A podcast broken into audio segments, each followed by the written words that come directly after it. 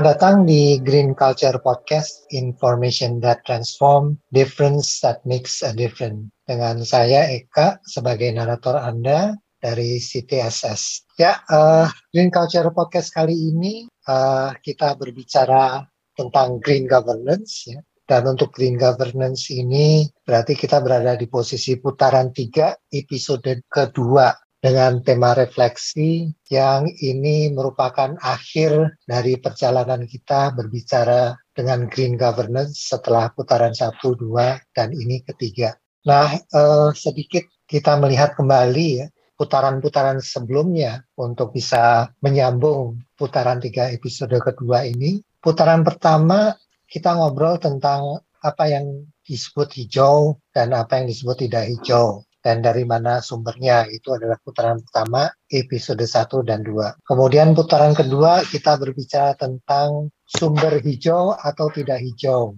dan tuas yang bisa digunakan untuk mengungkit perubahan dari tidak hijau ke hijau atau mempertahankan yang sudah hijau. Dan di putaran ketiga kita bicara tentang pendanaan untuk pengungkit tersebut bisa berjalan ya, dan kali ini di episode kedua putaran tiga ini kita merefleksi semua hal yang kita bicarakan dari putaran satu sampai putaran tiga episode satu. Nah, kenapa kita perlu refleksi? Karena perubahan hijau ini kan sebenarnya sebuah eh, perubahan perilaku ya. Diharapkan ada perubahan perilaku dan perubahan perilaku itu perlu waktu ya dan tidak mungkin dengan Green Culture Podcast putaran 1 sampai 3 ini terus terjadilah suatu perubahan perilaku ya yang mendasar dan mendalam.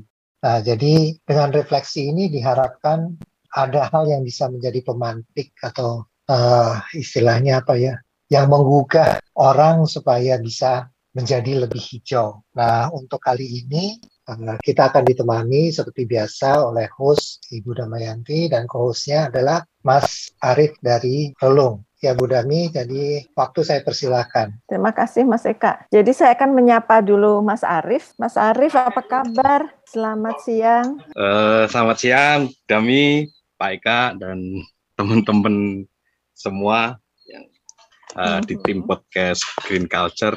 Sehat-sehat hmm. semua. Alhamdulillah sehat. Sekaligus juga mau menyapa para pendengar uh, Green Culture Podcast ya teman-teman di seluruh Indonesia. Selamat siang karena saat ini kami uh, siang hari ini. Jadi semoga semua sehat ya para pendengar. Oke, okay, Mas Arief, gimana yes. nih ceritanya? Tanpa terasa ya, ternyata kita udah ini ini udah keenam kali kita bertemu dan tiba-tiba tadi Mas Eka bilang saatnya refleksi. Waduh. Iya. saatnya refleksi. Nah, jadi um, kalau kita mau lihat kembali ya, kemarin itu kan kita mendatangkan dua ini ya, eh dua atau berapa tuh ada narasumber ya? Oh, ada ada tiga narasumber. Yang okay. terakhir sama Mas Joko ya? Oh, sama Mas Joko ya, yang di situ saya nggak ikut ya. Jadi eh, narasumbernya kita juga luar biasa macam-macam ya. Ada yang dari pemerintah ya, pemerintah yes. uh, kabupaten, kecamatan. kecamatan bahkan ya. Yeah. Kemudian kabupaten juga dan kemudian terakhir adalah donor itu. Nah ini karena Mas Arief ini yang sudah lama berkecimpung dengan tata kelola yang hijau. Um, kalau mau dikasih kesempatan ya untuk apa ya, jadi highlight selama kita kemarin eh, ngobrol-ngobrol uh, ini, menurut Mas uh, Mas Arief, pesan utama yang ingin disampaikan atau misalnya masih ada pertanyaan yang ganjel gitu ya, um, yang ingin didiskusikan di siang hari ini ya tentang green governance. Itu kira-kira apa, Mas Arief? Iya, baik, Udami, Pak Eka, dan apa rekan-rekan pendengar seolah-olah jadi radio ini ya. Ya anggap saja kita di Ngobrol. studio apa studio radio gitu ya. Uh, kemarin waktu Pak Eka menawarkan sesi ini adalah refleksi ini, jadi saya coba bongkar-bongkar file yang lama Bu Dami. Hmm. Apa ya? Tapi menarik juga ternyata karena uh, di tengah-tengah kita kemarin di awal-awal itu mau apa ya seolah-olah meng-highlight bahwa jangan sampai istilah tata kelola atau governance ini kemudian eh, apa ya eh, kita maknai secara lugas sebagai proses apa eh, kepemerintahan gitu ya. Mm -mm, betul. Uh, itu yang yang jangan sampai kita terjebak ketika mensosialisasikan, mendiskusikan soal tata kelola ini sama dengan kita nanti diskusi soal policy gitu di awal-awal perbincangan kita itu seolah highlightnya di situ hmm. pertemuan kita pertama dan kedua tapi mau nggak mau akhirnya dalam proses berikutnya kita malah semua narasumbernya adalah dari pemerintah. oh ya juga ya. iya, gitu. Oke, okay, menarik. Jadi uh, di awal kita ada temuan bahwa baiklah kita memilih kata menggagas bersama daripada mengenalkan apa itu green governance uh, berangkat dari bagaimana membangun kesadaran dan kepentingan bersama terhadap green agenda gitu kan mm -hmm.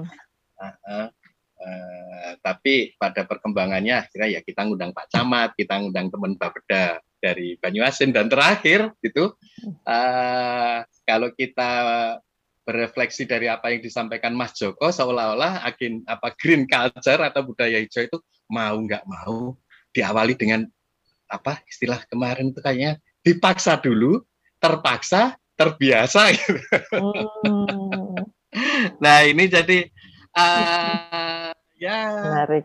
kalau kita gagas-gagas akhirnya ternyata oke okay lah pintu masuk bisa dari mana saja. Yang penting agendanya kita punya passion punya visi yang sama.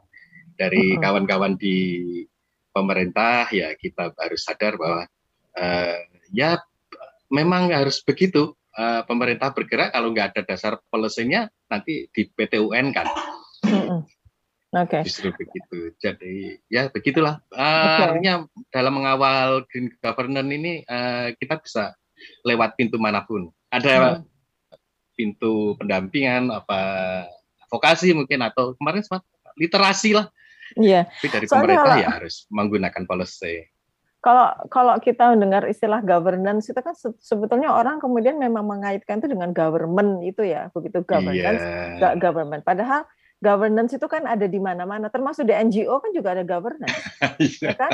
Dalam melakukan research ya, research yes. jangka panjang itu research juga ada governance-nya. So it's it's yeah. actually about tata kelola apa pun yeah, yeah, itu, yeah. apakah sektor yeah. swasta, apakah itu riset, apakah itu rumah sakit, apakah itu universitas gitu kan? Yes, Bagaimana yes. kita mengelola apa pun itu dengan uh, menggunakan prinsip-prinsip hijau itu tadi atau ya. prinsip-prinsip yeah. uh, apa um, ramah pada lingkungan kita memahami uh, peranan apa ya ya basically uh, bagaimana mempertahankan bumi ini supaya bisa tetap eksis gitu dalam apa pun yang kita lakukan gitu ya nah uh, kemarin itu kita tadi Mas Eka juga udah cerita tuh putaran pertama kita bicara nah apa sih itu sebetulnya tata uh, tata kelola yang hijau gitu ya kemudian um, ada episode kedua sumber-sumber kemudian yang uh, terakhir itu putaran putaran kedua putaran terakhir tentang pendanaan saya belum dengerin ini.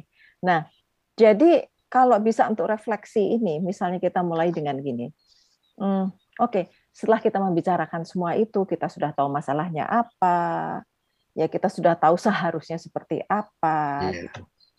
Nah, bagaimananya itu sebetulnya gimana? Kita sudah tahu bagaimananya atau kita masih meraba-raba ini, Mas Mas Arif?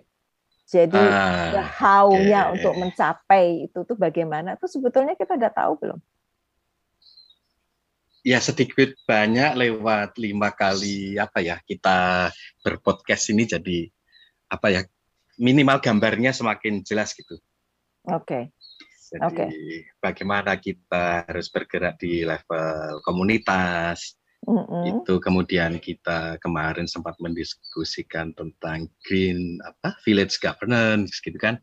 Mm-hmm. Dan kemudian kita bisa masuk lewat pintu bagaimana green governance di level komunitas itu ya bisa di apa dilakukan dengan apa bisa ngasih contoh nggak bisa ngasih iya. contoh nggak yang disebut dengan green governance di tingkat komunitas ya, itu apa bahkan kemarin kita sebutkan kita sampaikan contohnya ya memulai dengan agenda ekonomi tapi ekonomi yang ramah lingkungan hmm. nah itu okay. atau yang kedua bisa lewat mengatasi problem lingkungan yang jelas-jelas eksis di komunitas. Seperti kita cerita tentang kemarin apa sampah di Muara Musi itu. Mm -hmm. Jadi yeah. Ya. uh, kemudian dan itu bisa sampai mulai dari level literasi, kesadaran sampai akhirnya kita bergerak di level policy di tingkat desa itu karena uh, kita ternyata berdiskusi tentang bagaimana mengajak pemerintahan desa di lima desa di Muara Musi di lewat Pak Camat kemarin kan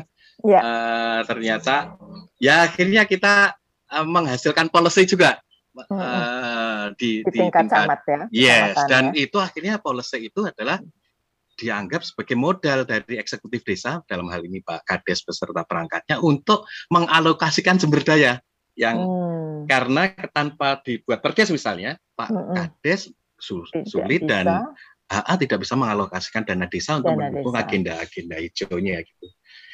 Nah, hmm.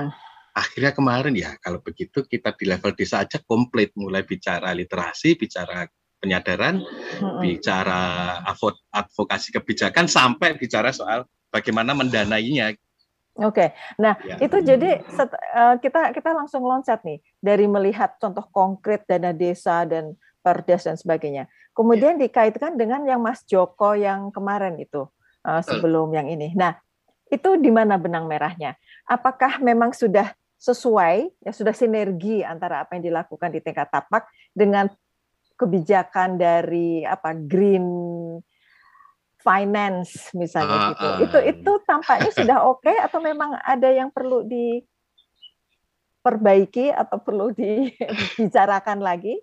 Terutama ya. pesan-pesan dari Mas Joko itu. Ya, kayak ada yang perlu didorong memang nah. ternyata. Oke, okay, apa Karena itu? uh, Mas Joko kemarin menawarkan ini cara baru gitu, cara hmm. baru uh, yang kemudian menjadi lah apa ya uh, area bermainnya teman-teman NGO gitu dalam mengawal agenda hijau lewat yang namanya apa uh, anggaran hijau kemarin ya bicara ya. tentang uh, paket tape apa ya Pak Eka ya? Ya paket tape ya. Uh, jadi bagaimana kita budget tagging budget tagging itu. Ha -ha. Jadi sebenarnya ada slot di tingkat kabupaten maupun provinsi, provinsi. yang bisa uh, yang bisa kita dorong, meskipun sedikit sekali porsinya kemarin uh, hmm. lewat apa uh, bantuan keuangan dari gubernur, bupati ke apa masyarakat ke desa gitu uh, lewat prestasi hmm. uh, program-program yang pro lingkungan. Oke. Okay. Jadi Oke, okay, jadi ini ini menarik. Ini berarti sudah ada inisiasi atau sudah ada inovasi dari Kementerian Keuangan dari Keuangan, pemerintah ya. lah ya dalam hal ini. Ya. Untuk memberikan apa ya insentif ya ketika ada program-program yang ternyata pro lingkungan ini perlu kita kasih uh, insentif apa gimana. Jadi at least it's it's a start sudah ada uh, kelihatan adanya progresif uh, progresif dalam ya, kebijakan ya, pintu dari... sangat terbuka untuk ke sana Bu. Hmm. Kalau dari penjelasan Pak uh, Mas Joko kemarin ya. Okay. Jadi ada yang bisa kita dorong dan menariknya lagi itu kan pro, uh, semacam stimulus tadi itu itu bisa diberikan karena kita sudah berprestasi dulu. Hmm, Oke. Okay. Jadi kalau uh, desa itu sudah bisa berprestasi dalam konteks ya. menunjukkan kinerja di lingkungan hidup gitu, maka uh, gubernur maupun bupati bisa memberikan insentif dan insentif ini uh, bisa digunakan tidak semata-mata untuk agenda lingkungan. Justru tidak semata-mata. Ya, jadi bisa untuk digunakan untuk uh, sektor yang lain. Uh, ekonomi, kesehatan, okay, okay, okay. pendidikan gitu. Jadi insentifnya okay. justru bukan insentif yang seolah apa insentif yang terkait langsung dengan hmm. apa ya lingkungan, dengan lingkungan hidup itu, itu sendiri. Ya. Jadi, Pak, Tapi ya. dasar dari stimulus itu adalah prestasi di bidang lingkungan hidup. Hmm, hmm. Nah ini semoga teman-teman pada tahu ya informasi yang penting seperti ini ya. Ya. Jadi semoga podcast ini bisa ikut menyebarkan informasi yang sangat penting dari pemerintah Betul. ini. Betul. Hmm. Karena memang belum banyak yang mampu kita dorong bersama-sama. Kemarin Mas Joko hanya uh, menyebutkan beberapa provinsi dan kabupaten ya, dan dari hmm. dari sekian puluh, sekian ratus kabup, apa provinsi dan kemudian kabupaten. Karena ini perlu didorong terus. Gitu. Iya. Oke, jadi kalau dari segi pendanaan tampaknya udah udah kelihatan ini linknya gitu dan biasanya kan kita selalu mengatakan nggak ada duitnya, nggak ada duitnya. Nah dalam dalam kesempatan ini kita justru melihat eh ada loh ini pemerintah ada. mulai. Nah Betul. jadi sekarang eh, karena kita ini tentang transdisiplin ya, karena CTSS uh, adalah transdisiplin. Jadi sekarang saya ingin masuk ke dalam isu transdisiplin sebagai apa bagian akhir dari obrolan kita ini. Yeah. Um, saya kemarin dengerin tape-nya apa rekamannya Mas Eka. Ya terus Mas Eka mengatakan oke okay, uh, change. Ya kita kita kan uh, tadi saya, saya, saya mengatakan oke okay, kita melakukan refleksi. Kemudian uh, saya tanya sama Mas Arief kemarin apa aja kalau mau dilihat ya selama ini hmm. apa highlightnya? Dan itu terus ternyata keuangannya juga uh, menarik banget. Nah ketika itu semua sudah in place ya. Uh apa atau bagaimana kita mengubah behavior karena ujung-ujungnya kan ini behavior kan okay. bahwa ada uang kayak gitu kalau manusia tidak berubah wah ya. susah yeah. itu nah jadi sekarang kita ngomong tentang manusia nih mas betul manusia yang kemudian ada di dalam berbagai macam institusi di antaranya pemerintah ada yeah. private sector gitu ya yang mereka masing-masing punya sistemnya sendiri-sendiri Okay. Nah, jadi apakah kita harus mengubah sistem atau mengubah behavior manusia atau gimana? Nah, ini uh, pertanyaannya ah. kayaknya susah, tapi coba kita kita kita kita, kita ngobrol aja dulu. Ini uh, uh, pikir bebas. Uh, uh. Tapi itulah uh, mungkin apa ya yang bisa kita refleksikan bersama-sama dari awal kita bicara pentingnya literasi, kemudian apa ada pembicaraan tentang harus ada kalau Pak Camat dulu itu roda gilanya gitu. Ada orang yang memang terus apa menggerakkan apa mesinnya gitu. Mhm. Kemudian sama juga sama Mas Joko kemarin. Di tengah-tengah kita berhasil merumuskan, menetapkan policy yang kemudian dianggap bisa apa ya sistem sudah established gitu, in place gitu istilah Budami tadi. Hmm. Ternyata kemudian kenapa kok dipilih di Kaltara? Kenapa kok dipilih di sana di kabupaten ini? Kawan-kawan di DPU melihat ada potensi leadership di sana. Hmm. Okay. Jadi uh, ya memang ya hmm. apa ya secara perangkat dari sisi kebijakan uh, dari sisi beberapa orang itu sudah ada dan saya pikir kemudian yang harus kemudian di, dipertahankan adalah konsistensi. Hmm. Uh, jangan sampai ini kemudian berubah-ubah gitu Bu Dami. Hmm. Uh, apa hal yang sudah coba kita rumuskan ini, uh, yang hmm. sudah kita jalankan, yang kita kembangkan ini, uh, kemudian berhenti di tengah jalan gitu karena memang apalah sebabnya gitu. Oke. Okay. Di konsistensi itu yang yang yang yang uh -uh. karena green uh, apa green bentar. culture itu agenda sangat panjang gitu. Tapi bentar, kita... bentar. Kalau saya boleh boleh ini ya sekaligus ya. mau narik Mas Eka nih. Ini Mas Arief ngomong tentang apa bagaimana bisa konsisten ya. Jadi ketika kita berbicara konsisten berarti asumsinya ya ini kan kita kan ngomong tentang perubahan ya. ya. Kita bagaimana bisa menuju perubahan. Nah, kalau menurut Mas Eka itu kan ada tiga cycle itu. Oh, enggak, saya nggak tahu Peter Sengel, whatever his name is gitu ya. Kan katanya ada ada cycle of design. Nah, rupanya okay, okay. rupanya itu sudah dilakukan oleh Pak Camat misalnya gitu kan. Yeah. Nah, kemudian ada cycle of sustaining. Nah, itu tadi yang dikatakan oleh Mas Arief. Jadi gimana nih menjaga bahwa apa yang sudah dilakukan oleh Eh, Pak Camat dengan sampah dan sebagainya itu bisa terus di apa sustainable gitu ya dijalankan terus oleh siapa pun pemimpin yang akan menggantikan beliau gitu. Yeah. Um, biasanya memang ketanggurnya di situ makanya tadi Mas Arief kan bilang konsistensi itu ya. Nah Betul. kemudian ada cycle yang terakhir itu katanya katanya Mas Eka cycle of redesign. Nah, oh. itu itu saya sebetulnya kurang kurang kurang paham gitu. Iya, iya, iya, iya. Cycle terakhir karena sudah ada design sustaining, terus ada cycle of redesign. Mungkin Mas Eka bisa nimbrung gimana mungkin membantu kita untuk lebih memahami change ini. Oke, uh, terima kasih Bu Dami.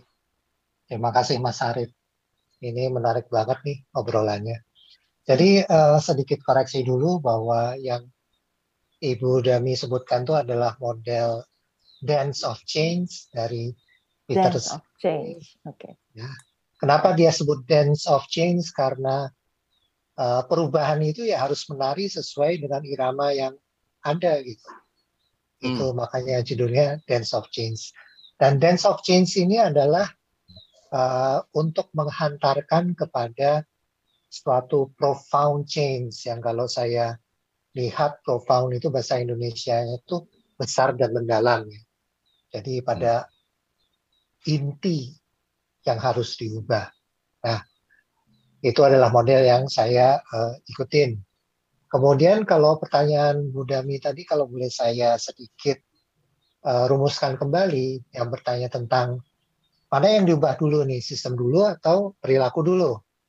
Nah itu sama seperti pertanyaan mana duluan nih, telur dulu atau ayam dulu. Hmm. Karena dua-duanya saling berkaitan dan dinamis gitu ya. Hmm. Uh, dan itulah salah satu ciri khas kompleksitas hmm. yang sebenarnya adalah fenomena yang dihadapi oleh atau dipelajari oleh transdisiplin. Hmm. Nah, ya. menurut pendapat saya, kalau pertanyaannya udah mana duluan ayam dulu atau telur dulu itu kita tidak mungkin mendapatkan suatu jawaban absolut. Yang bisa kita lakukan adalah kita sepakat di mana.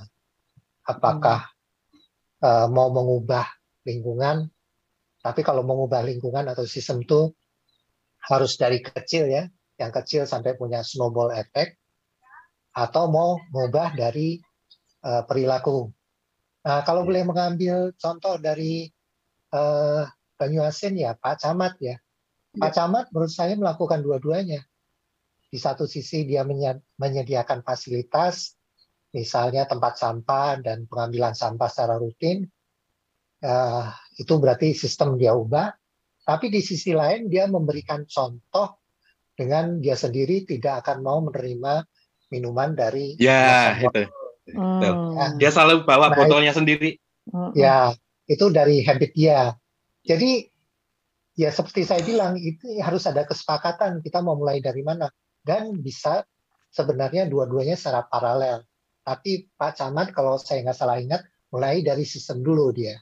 Hmm. Ya. Nah sistem itu eh, apa namanya untuk menjaga konsistensi memang sistem itu harus punya suatu spirit ya atau nilai ya dan mau nggak mau menurut saya pribadi adalah untuk menjaga konsistensi ini uh, harus ada leader dengan leadership yang kompatibel dari satu periode ke periode lain. Ya. Kompatibel dalam arti apa? Mungkin bentuknya, wujudnya bisa beda, tapi the spirit of green governance yang entah diformulasikan gimana oleh para pihak di situ, mereka harus sepakat, itulah yang dijaga. Jadi menjaga spiritnya, nyawanya, bentuknya boleh bisa lain. Itu okay. untuk menjaga konsistensi. Nah, terus komentar terakhir, uh, ini sejalan dengan uh, Dance of Change yang sebenarnya dimulai dari dari siklus uh, the cycle of initiating, kemudian paling kecil the cycle of uh, sustaining yang di tengah-tengah dan yang besar the cycle of redesign. Nah, kalau kita udah bicara redesign, kita bicara tentang relasi kuasa dan uang. Kalau kita hmm. bicara tentang uh, ah. sustaining, kita bicara tentang uh, seseorang itu belajar dan merasa dari proses pembelajarannya ada sesuatu yang dia dapatkan untuk mendorong antusiasme dia untuk terus berubah.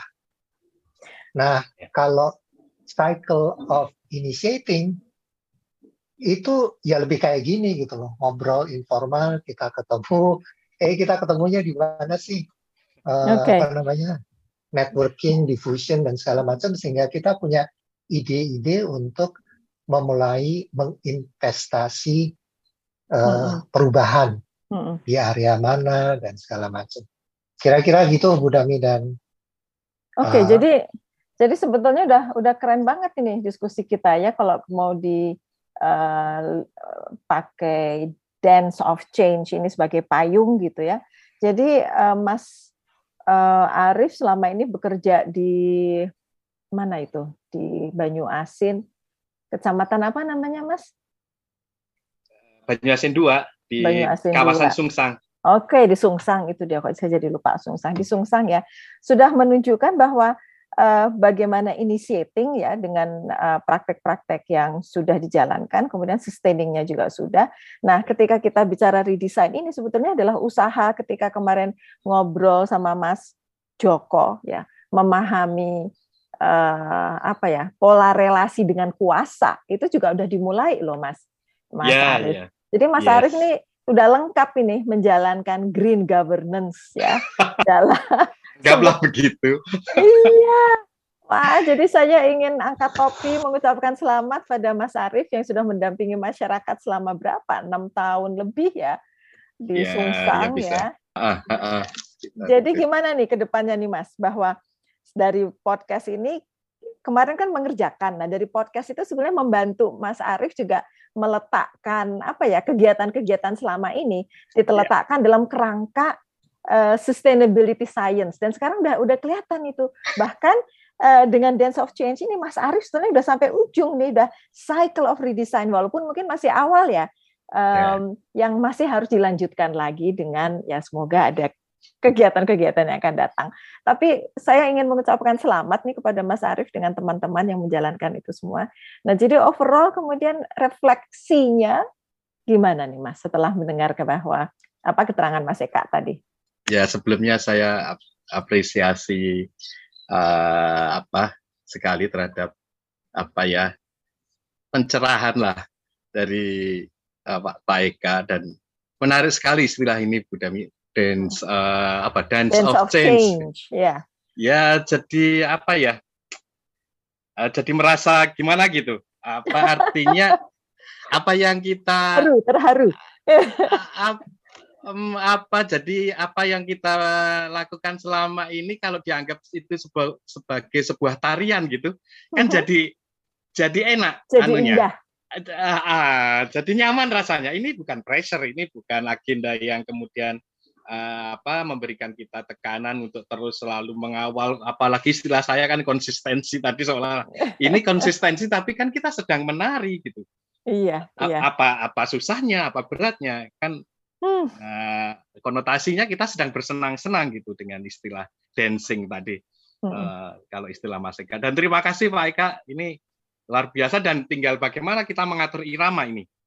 Uh, kalau betul. Jadi kalau kemarin kita hadir secara fisik Budami di Sumsel, di Sungsang, iya. atau di sampai di Karangagung Ilir tentang -hmm. bagaimana kita uh, menstimulis uh, mereka dengan sekedar memelihara burung di sawah gitu. Mm-hmm. Tapi awalan itu cukup mengena dan akhirnya sekarang ini uh, tarian kita tarian di WhatsApp grup aja.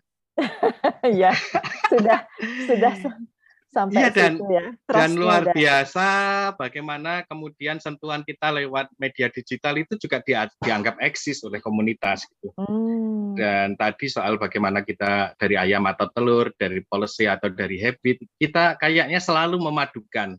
Karena kita di Lahat juga begitu, kita mengawal BUMDes, mengawal PEMDes, hmm. tapi tidak lupa kemudian menyediakan wahana buat generasi muda. Di Sungsang kalau kita ingat, kita juga ada sanggar budaya uh, untuk uh, anak-anak muda. Justru lahirnya policy berupa perdes kemarin itu diawali oleh berbagai macam bentuk kampanye oleh anak-anak muda hmm. tentang uh, sampah itu sampah. di sana. Hmm. Iya, dan mereka bagaimanapun akan terlihat lebih kreatif untuk memanfaatkan media yang ada untuk menggugah kesadaran dan akhirnya yang senior senior kan nggak enak. Mm -mm. Ah, Jadi yang ikut. yang yang muda udah bergerak. Saya harus ikut. harus ikut. Jadi ya okay. terima kasih itu kalau istilah dancing tadi sangat melegakan lah. Oke. Okay. Jadi uh, uh, ya itu mari kita menerang, uh, mari kita lanjutkan tarian kita. Gitu. Nah itu dia. Jadi akhir dari podcast ini adalah marilah kita lanjutkan tarian kita karena tarian ini tidak boleh berhenti. Tidak ya. boleh berhenti. Uh, jadi jadi ingat itu loh tariannya Rumi itu loh yang muter-muter gitu ya. Jadi sambil muter-muter kemudian menemukan Tuhan gitu kan. Iya, Aduh, yeah, keren yeah. banget nih. Katanya itu topinya itu simbolisasi dari batu nisan itu. Oh my god. Oh gitu. Anyway, jadi ngomong ke mana-mana. Tapi uh, makasih banget ya Mas Arief. Saya belajar banyak dari proses-proses Sama-sama. ini. Sama-sama. Dan saya kembalikan ke Mas Eka. Oke, terima kasih Mas Arief Terima kasih Bu Dani. Uh, sebagai penutup saya tidak berpanjang lebar karena Dani, Bu Dani sudah menyatakan secara jelas ya. Mari kita lanjutkan tarian green green culture ini supaya ya manusia dan alam bisa hidup berdampingan. Terima kasih Terima untuk mendengarkan podcast ini. Sama-sama. Ya. Sampai ketemu di lain saat. Ya, sampai ketemu di lain saat. Terima kasih.